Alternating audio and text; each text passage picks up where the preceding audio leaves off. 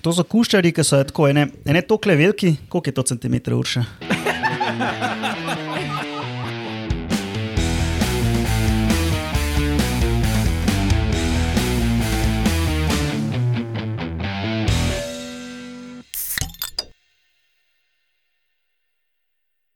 Lepo zdrav, poslušate 99. oddajo Metamorfoza, podcast o biologiji organizmov, ki vam ga kot vedno predstavimo skozi lahkoten pogovor o pivu. In danes ob meji tukaj je klasična zasedba, iz moje leve proti desni Alenka Rozman, Lauro Rozman, Roman Luštrik, Urša Fležar in jaz, Matjaš Gregorič, Servus Folk. Živijo. Čev, čev.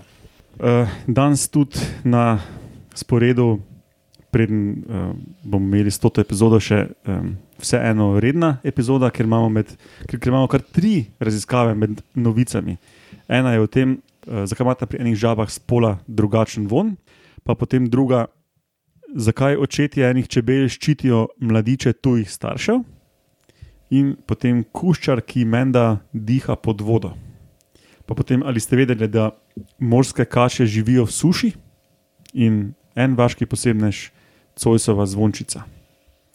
Zvončnica. Zvončica, to je kaj iz Petra Pana. Brez meja. Zvončica. Kaj zvočnica? Zvočnica, ja, to je, to je zova zvočnica.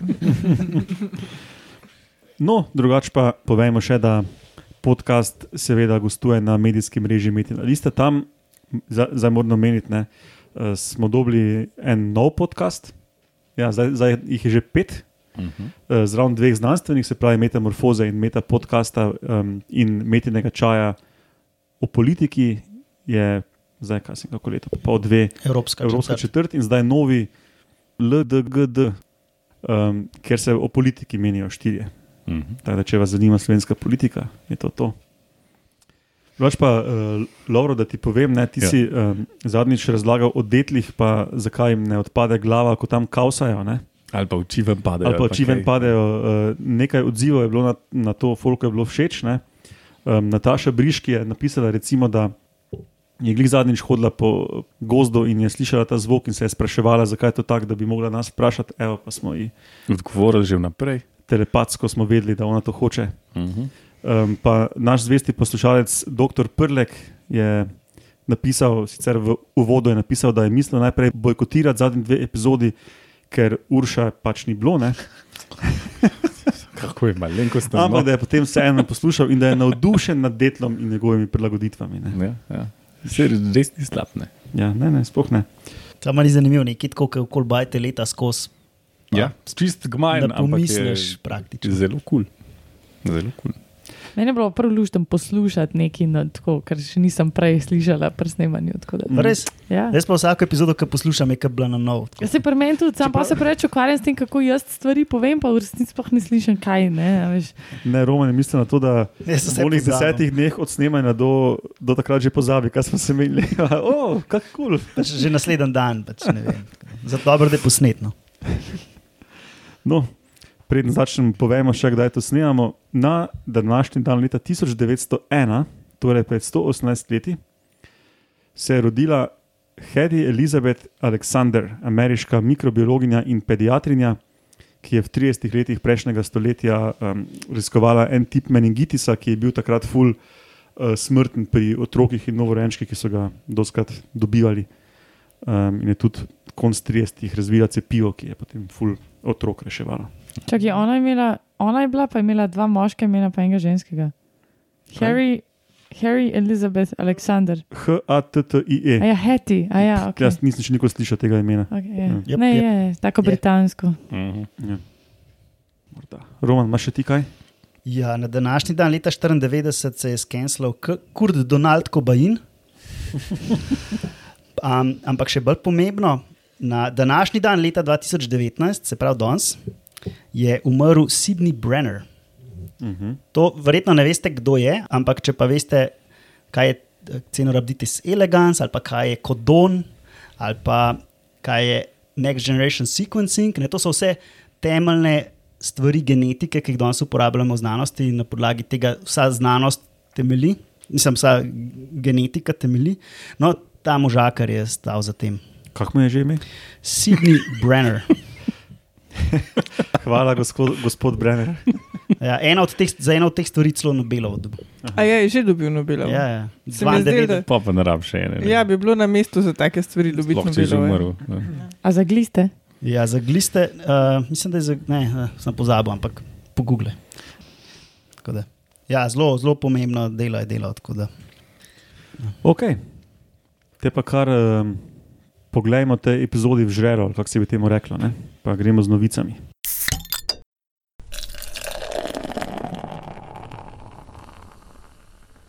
Začnemo z žabami in njihovimi vonjavami. Torej, pogledamo a, na kožo. Ne? Tokrat bomo pogledali, kako je z enimi žabami in njihovo kožo in njihovimi smrdljivimi eh, pritiklinami. Torej, v to, tokratnem članku se gre o enih žabah. In sicer gre za vrsto Boana Prasina. Bravo, Lauro v zdaj, redu. Lauro zdaj kima z kinki nasmeškom. Ker mu je uspelo izgovoriti latinsko ime. Ne, ker je Ja, Prasina. A ja, zato. ja, Dr- drugače drugač bi rekel ene žave iz Južne Amerike, ker so pa prasina, sem pa si zapisal z velikimi, sem si izpisal, tako da se nisem mogel zajebati. Um, torej, gre za neke drevesne žabe iz, tam iz Brazilije, ki so jih pač eni začeli gledati iz kakršnega razloga, ker jim je pač to služba. Ne? In zanimivo kot njih je pa tako, ne? pri žabah je um, zanimivo, ker imajo pač tako kožo, ker imajo noč služne žleze, pa strupne žleze in imajo pač en kup enih eh, izločkov, ne? se pravi, pač tako cel koktejl, to je, to je na desetine ali pa na stotine snovi tam noter. Eh, Z razno raznimi nameni, ne? lahko da so strupene za, za druge živali. Um, Ali pa da pač služijo železo, ki mora čez tudi malo dihati, ker se drugače sušijo, pa tako take malenkosti. Um, no, in pač te žabe imajo pa še to čudno lastnost, da so, da so smrdljive. Ne. Um, Smrdljive za nas, ali Ja, tako pač voha se ne, tiste, tiste žabe. In pa so pač te ljudje, ki so to opazovali, um, ugotovili, da, da, da uh, samci in samice drugače smrdijo, ne, med sabo drugače smrdijo. Uh, in so šli pač pol to gledati, ne, zakaj zdaj to tako. Uh, in so pač naredili, uh, sem, uh, povzročili to kožo, in, in tako je ugotovili, da je gor um, raste uh, veliko bakterij iz rodu Pseudomonas. In so jih pač postrgali, gojili v laboratoriju, bla, bla, bla. In ugotovili so, da, um, maj, da pri samcu um, naredijo pač en von, pri samici drug von. In sicer um, gre za iste snovi, sam pač v različnih razmerah, uh, ki so pač glede na to, uh, kako pač, kakšna je koža od samca in ka- kakšna je koža od samice, se pravi substrata, ne, se pravi rastišče za te bakterije je rahlo drugačno, zato izlo- izločajo rahlo drugačne a, snovi ven in zato žaba rahlo drugače diši. ne. A, so pa pač to razmerje med tem bakterijam in žabam um, opredelili za uh, simbiozo.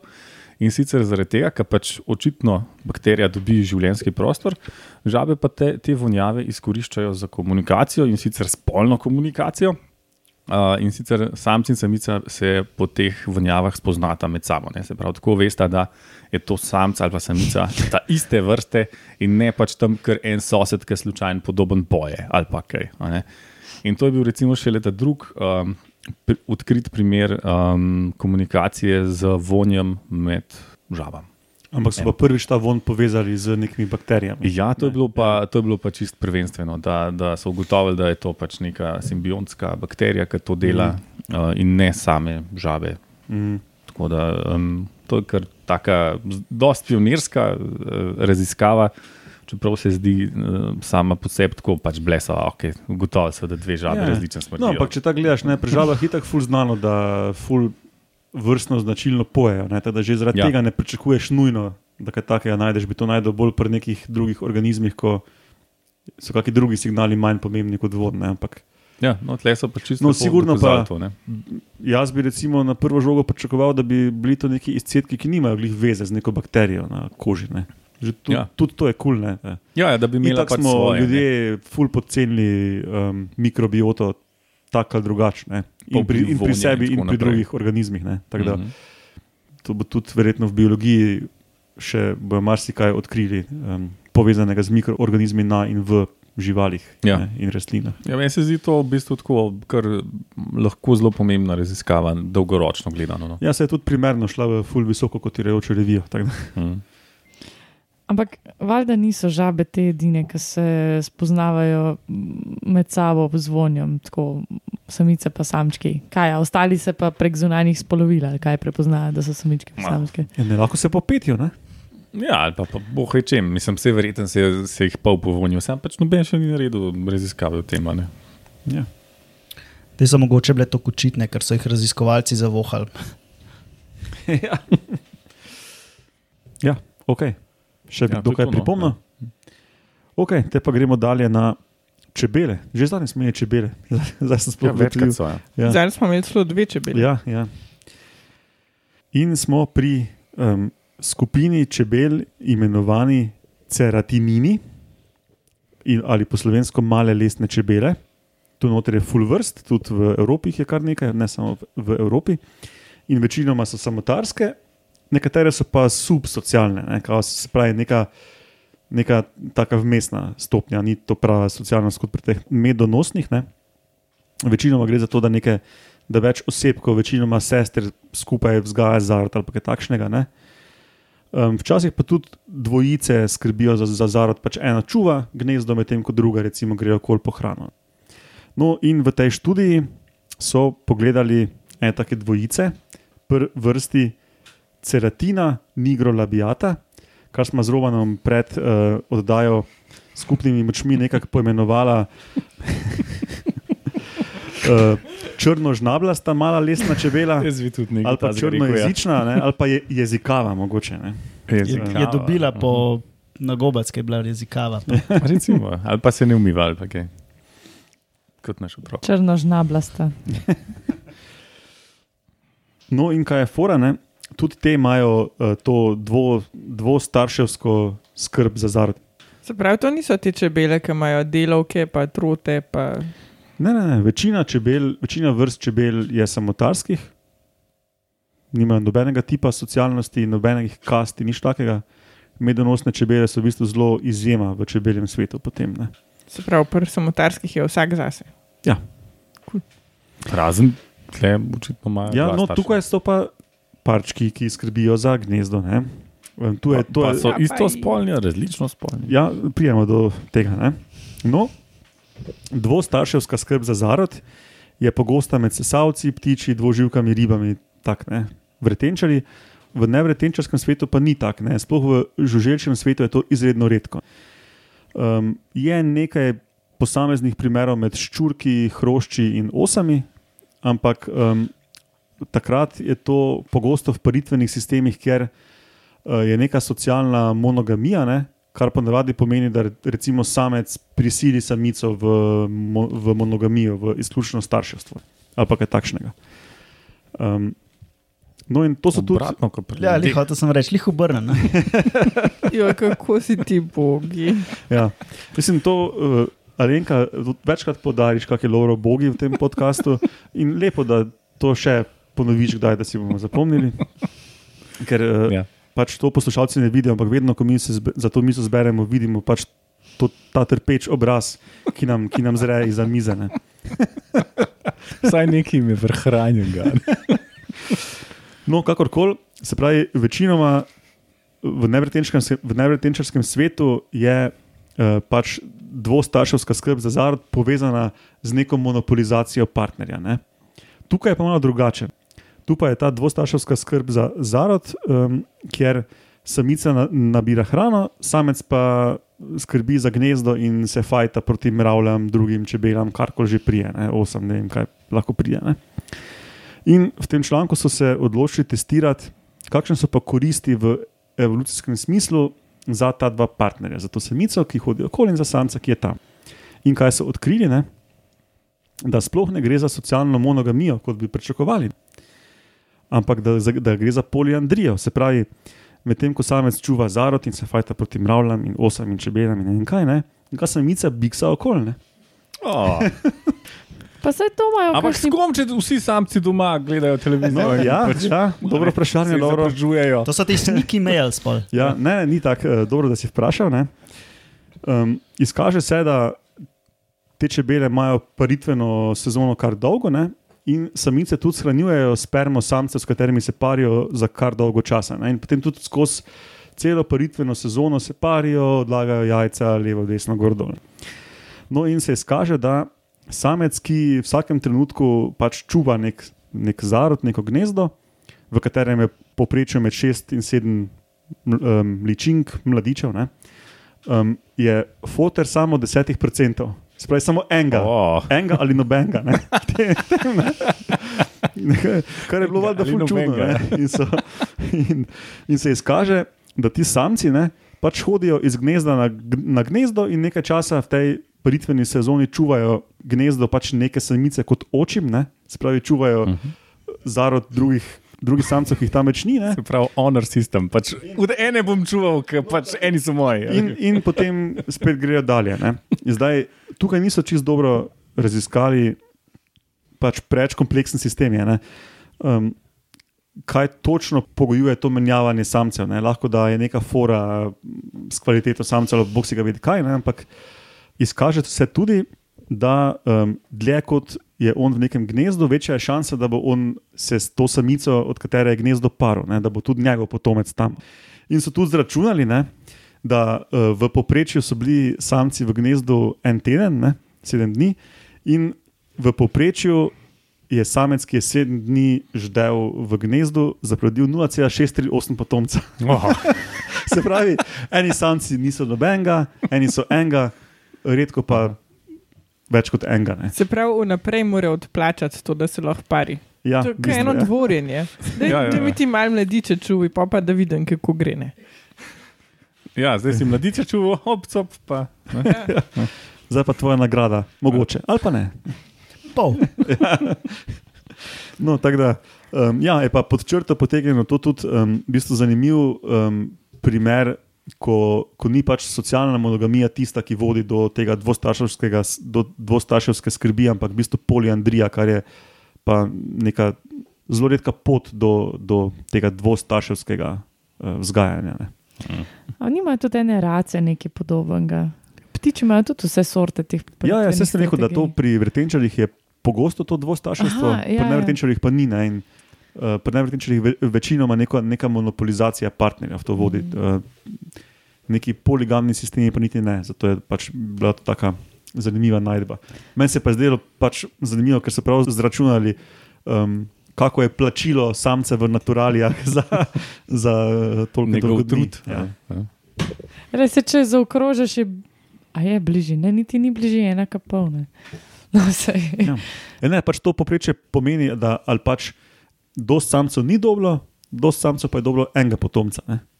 Ja. Pač, ampak verjetno tudi od- si predstavljam, da je to pač predmet nadaljnih raziskav, da samci lahko ocenijo tekom tega enega tedna, ali se jim še splača vztrajati ali ne. ne. Ok, gremo na kuščarje.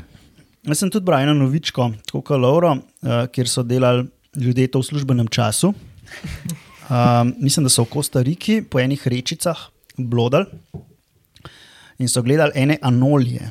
Spet anoli, to so unika plapolajo dol iz palem, kadar piha orkan. Ne te, ampak uh, ta tip kuščarja. ne. Ker to smo že imeli, to si imel točno ti že enkrat, ne tako dolgo nazaj. Uh -huh. Ki so gledali, koliko se držijo za, za vejce. Ja, Ker so jih s fenom pihali. Ja. To so kuščari, ki so tako ene, ene tokle veliki, koliko je to centimetrov urše? 11. Dobar, sedem, ampak. V glavnem, to so neki taki kuščari, um, ki jim latinsko rečemo anolis aquaticus, če boš kdo gluglat. gluglat. Uh, jaz sem prevedel podvodni anoli. Um, so pa zanimivi zato, ker pač živijo v vodi in med raziskavo so eh, jih so ugotovili, da tako ti kušari so nekam dolgo tako pod vodo, ker veš, tu priješ v potoku, pa skočijo v vodo in polih kar neki cajta ni ven. a ne. Tako hudiče, kako jim tako ni bilo jasno, zakaj so tok cajta ne, pod vodo. Mm, jih pa začeli tako malo snemati s kamero in so opazili, da oni se tam pr- prihulijo na, na dno, tako umaknejo se iz toka in tam čepijo in čakajo, in vsake tok časa pa tako se jim na glavi, tako na nosu, gor med očmi, ker tak mehurček pojav zraka, pa zgine. A Ne, in takrat, ko to naredi, se tudi prsten koš premakne a ne, in to nakazuje na to, da takrat zadihajo. In v bistvu dejansko izdihnejo zrak in se naredi ta mehurček, in pol. Pa se pa plini iz, izmenjajo iz vode. Ja, ja, ja, No, ja. čakaj, čakaj. In zdaj, ko je tako lepo Roman to opisal, bomo, bom vam pokazal video, pa seveda ga bomo dali v zapiske. Ne? Ja, Kako je luškan. Veš, kako ima srebrno glavo. Če se svet, pa je luška. V bistvu zgleda, kot da je cel nekako prevlečen z zrakom. Ja, sploh po glavi izgleda tako, kar srebrno. Kaj ima to, kakšno sluz čez ali kaj? Ne, ne, kuščari nimajo sluzi po, po vrhnici. a ne. To ima kar na površinsko napetost. a Ne? Po moje, ja. ja. Uh, in po moje to deluje zato, ker je tako relativno majhen kuščarček. a Ne? Če bi bil večji, vprašanje, če bi to delal. Ja, ker, mm, zanimivo, da mu ne uide, ne, tale mehurček. Se pravi, kuščar uh, očitno zajetim zrakom skoči v vodo in pol se tam na dno usede in izdihne, in se med izdihom formira ta, oblikuje ta mehurček na glavi zraka, in pol ga spet nazaj vdihne, ta isti mehurček. A pa je dosti kisika noter, da še izkoristi. Ja, te, zdaj, rekord, ki so ga izmerili, je da 16 minut in pod vodo vstal. Zdaj pa so pa to same hipoteze, zato ker pač niso imeli neke instrumentalije sabo, da bi lahko merili. Ampak ja, mogoče gre za, vem, da se odstranjuje CO2 med tem, ko se mahurček naredi. Um, ali pa da kisik nokt prahaja, ampak ne vem. Ja, jaz sem tudi eh, bral, da je komentiral za nek, za nek drugi pop science page ta um, avtor, ki je to sicer objavil, ful neki taki mali prispevek v nekem brezveznem, obskurnem žurnalu. Ne? To ni bila neka resna študija. Ne? To je bila opaska, ki so Ja, jo ja. videli med raziskavo. Da, tudi, da ena od hipotez, ali pa spodnjem hipotez, pač ra, razmišljanj, ki, ki ga imajo, da se pač prime neka tanka plast zraka na splošno okoli glave, pa tam ne. In da ta izdihan mehurček, ko se napihne, da malo izmenja plinost s to drugo prevleko zraka, ki je po, pač po telesu kučenja. Ne. Se če možno, da ima tako obliko lusk, ki zadrži ta zrak, ne, da Ja, možno. nekako Mhm. kot en sloj okrog kuščarja. Pa pol. Kje si rekel, da so oni na Kostariki? Uh -huh. Evo, le, ki upravimo z zebrami, ne? gremo lahko še to pogledati, preveriti, zakaj te podvodni anoli um, se z mehurčki igrajo. ja. Zdaj, za poslušalce, ki mogoče ne, ne vejo tega running joka, ne, uh, oziroma, pardon, ne joka, ne šale. Um, uh, rabimo, koliko smo rekli, 20.000 evrov, da gremo raziskati v Etiopijo, zakaj imajo uh, zebre črte. Ne. Lahko pa namesto tega gremo te kuščerje razrešiti. ne. Kostariko. Ja. Ja, no, Bomo se žrtvovali. pa bomo- Donacije s pripisom za kušarje, za žebre, se Tako. vse vzamemo. Kaj prej zberemo, ta, tja bomo šli. Ne. Točno to. Ja. Ja. Čak, zakaj gre sploh pod vodo? Ja, um, Kot- skrijejo. Kot prvo, se skri, a, kot prvo, kot eno se skrivajo tam pred plenilci, kot je človek, a ne? pa verjetno ptiči, pa še kaj. Uh, so pa gledali tudi preba, um, pač vsebino želodcev teh kuščarjev in so tudi najdel vodne vreten, nevretenčare noter. Tako da se verjetno tudi prehranjujejo pod vodo. Kaj pa če drugače tam delati? Ja. Ja, tako da tako um, celostno s to vodo posvojijo. Dvoživke. Ok, gremo dalje. Ja. Ja, ja. Okay. Ali ste vedeli?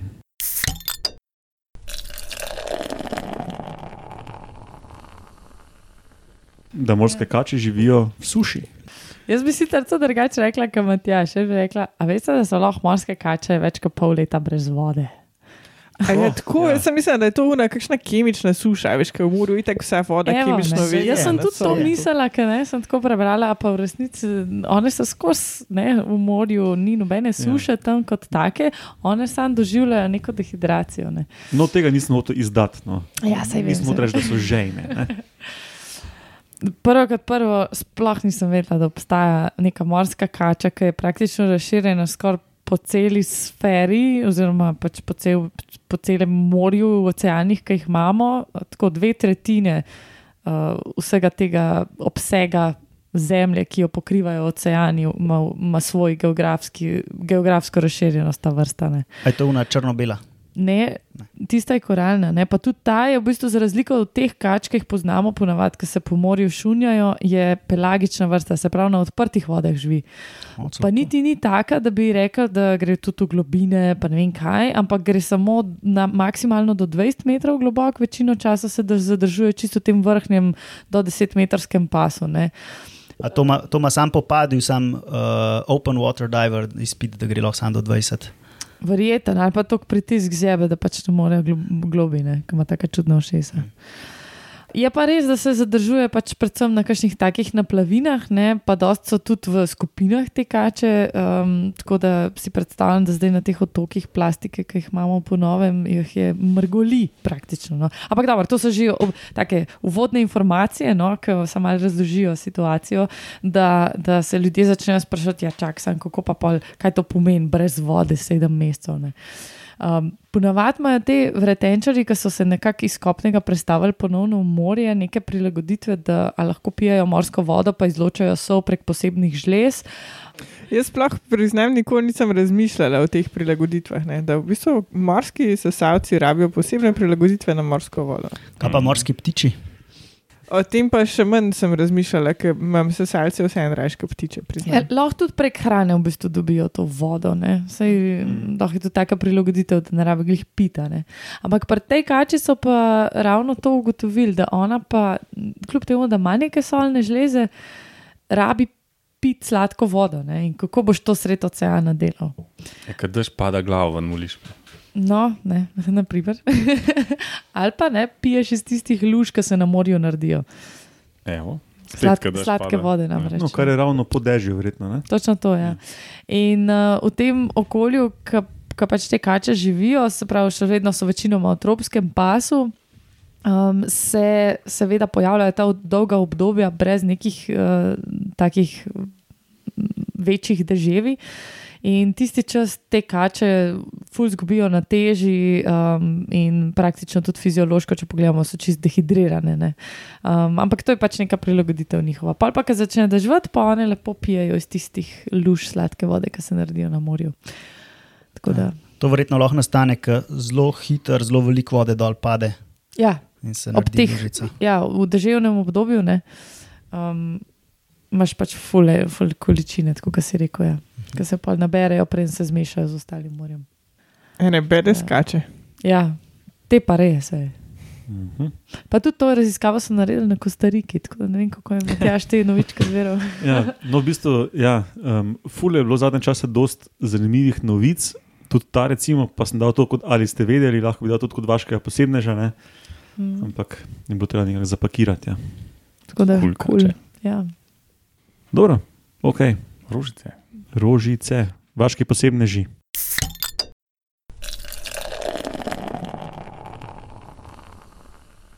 Cojsova zvončica je danes. To je slovenski endemit in zato je tudi na rdečem seznamu. Zdaj pa nagradno vprašanje, kaj je to endemit? In Um, kaj je to rdeči seznam? Nekaj z dinamitom je to. Ja, ne, veš kaj, po mojem, uh, nagradimo vse, ki odgovorijo na vprašanje prav ali pa na robe in lahko pošljemo eno značko, kaj praviš. Ja, lahko.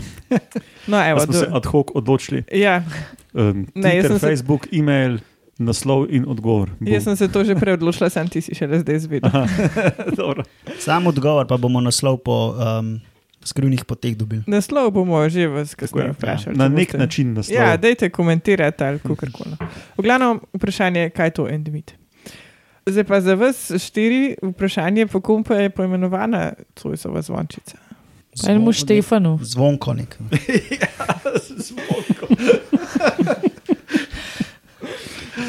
Po unmu, kaj una ulica tam le. Po unmu, ta istmu Noben cojzu. še ni zažige, jaz slišim. Noben Ne. še, ne, ja, ne, Žiga Cojs eh, je resno bil uh, v svojem času najbogatejši slovenc. Um, blazno znan po svojem Cojzovem krožku, kamor so hodili vodnik, Jarnek, Kopitar, Linhart in Pa podobni. pošti. To je bil tak podcast. Ja, Ja. ja. Cojsove štipendije so. Ja, pa so Ja. A, a, vodnik, a, na današnji dan, leta, čak, čak.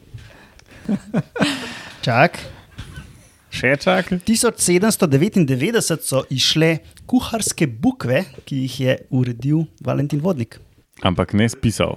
Ker smo že pri Žigatu, ne, ni bil Žiga tisti, po katerem je poimenovana Cojzova zvončica. Ja, Ampak to je njegov brat, Karel Cojs.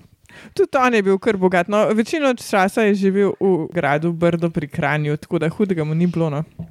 No, in on je bil blazno zagrizen botanik, ampak ne tako zares, da bi kaj dal od sebe. On je sam zbiral, pa je da imel herbari z 2100 primerki, um, pa pošiljal pol naprej. In tako je tudi to, to je za zvončico. Poslal v celovec botaniku po imenu Franz Xaver von Wulfen, nekaj tasga. Um, in ta jo je pol opisal in poimenoval po njem. Posebna je pa zato, ker je ful čudna. V bistvu ima cvetne liste popolnoma zraščene. Um, V, v zvonc. v, ne v zvonc, pač te običajne zvončice imajo pač cvetne liste zraščene, tako da tvorijo neko cev. Ne. Imaš tudi take čudaške rože, ki imajo samo vrhove cvetnih listov zraščene, pa so v spodi razprte, ampak ta ima pa čist zaprto cev. Torej ni več cel. Ne? Ne, v bistvu je balon, Ja. ima cvetni balon. Um, pa pol, um, fuki, fuki, pa to. fuki, fuki prek posrednikov, ki se jim reče žuželke, Aha. ker je žužko cvetka. No, se to je dobro, mislil, da not prijejo. ne. Ja. Not prijajo tako, da se pregriznejo. Mm. Čez, ja. um, tako da, kadar boste šli naslednjič v Alpe, pa boste videli te take zvončice cveteti tam po skalah. Uh, in boste videli, da so že čist preluknjene, uh, une so že fuki, fuki. Uh, kje pa živijo ti endemiti Slovenije? V Alpah Samo v Alpah v Sloveniji. ne, in v Trnovskem gozdu. Uh -huh. Kaj je tudi v Sloveniji? Tudi je Trnovski gost. In sploh recimo ne na severni strani Alp pri Avstrijcih ali kaj, samo pri nas. Pa je, da? Ja, Mislim, No, no, tako. ja no, sej, tak, to, to tudi jaz vem, ampak ja. Tam je pač- slabši to dobro. Meni je zanimivo, da je pač uh, nekaj ima tako osko razširjenost, ja, pa, pa, pa da ni glih jamska reč. Ne. Mm. No, a bi kdo ugibal, koliko zvončic v Sloveniji raste drugače? A po številu, a so jih prešteli? Mislim, vrst, ne? A ja, vrst. Ja. 48. Rod kampanula. Rod kampanula. 52. To ste mal preveč bogato ocenili. 28 jih je. Drugače pa v svetovnem merilu 473 vrst. Sem tako, da si malo predstavljamo raznolikost teh zvončic. Ok, to je to. Ja, to je vse o teh cojzih, bratih. Dobro. Čak, Po enem je štipendija poimenovana, po drugem pa zvončica. Ja. ok, pol pa to sklene to današnjo vsebino. Ne? Pa pozovemo zdaj v tej 99. oddaji še poslušalce, da še zbiramo predloge za to, o čem bi se pogovarjali 100,0 minut v 100. oddaji. Torej, na Facebooku, Twitterju ali po e-mailu nam lahko sporočite um, vaše predloge, pa sploh ni nujno, da ima veze z številko 100, samo pač kar je zabavno. Ne? Kaj povemo, da je ena od top idej, ki jo bomo izvedli, no, vsaj verjetno skozi jih, je to, da, bo, da bomo priredili uh, nek kviz, ki bo hkrati pivska igrica. Ne? Mislim pač, če na robe ugotavljaš, piješ in to se lahko grejo poslušalci z nami skupaj. Ne? Ja, priporočam, da se pripravite na to stoto epizodo. No. Pa ne jo poslušate v avtu. Lahko, sam ne med vožnjo. Ja, tako je, tak je. lahko v avtu ne med vožnjo. Uh, pa vprašanja, ki nam jih boste zastavili, pa morajo obvezno imeti vezo z biologijo. Ne, ni treba, da so vprašanja, lahko so tudi predlogi za teme, ki bodo zapolnile en del stotih minut. Ne? Še zmeraj mora Ja. ja. obvezno biti v zvezi z biologijo. Z biologijo Ja, ja. organizmov. Ja. Ne more biti medicina ali pa kaj. Ja, medicina ni del biologije. Ne, pač uh, nič po, v povezavi z človekom ne bom sprejel, ker to je oddaja, Ja, ker ljudje nismo živali. kjer se lotevamo manj popularnih tem. No, ok, in ti kontaktni, te kontaktne in, informacije, kamor vaše želje in druge pohvale in kritike poslati, so e-mail metamorfoza afna metinalista.si, pa na Facebooku imamo stran, pa tudi na Twitterju pod hashtag metamorfoza nam lahko to sporočite, to ima z Romanom vse videla. Uh, Roman je tam sicer kot Ed Romuno, jaz- jaz kot Ed Matjaš Gregorič, Urša ima tudi Twitter profil Ed Gozna Jožica, ampak uh, ona tega ne bo videla, ker ne uporablja. Ji bomo Pa- mi povedali po Ja. WhatsAppu. To še obstaja. Donirate pa tako, da na spletni strani od, metamorf ne, metamorfoze, od Metine liste, kjer ta podcast tudi eh, je gor, um, pač poiščete gumbek doniraj in ga stisnete. Tako, in če vas uh, zelo skrbi, da ne bomo mi tega denarja dobili, lahko napišete v subjekt, da je to za metamorfozo. lahko pa tudi celi mreži, kar je čist kul, cool, ker uh, metina lista nam itak vrača um, z naturalijami in s financami. Tako da um, vse prav pride. Ampak definitivno pripište za, za metamorfozo. Pa za zebre. Ali žabe. Hashtag. Namibija Kučarje. 2020. No, ok, hvala poslušalcem za poslušanje, vam štirim za sodelovanje in do slišanja prihodnjič. Adijo. Pa, pa.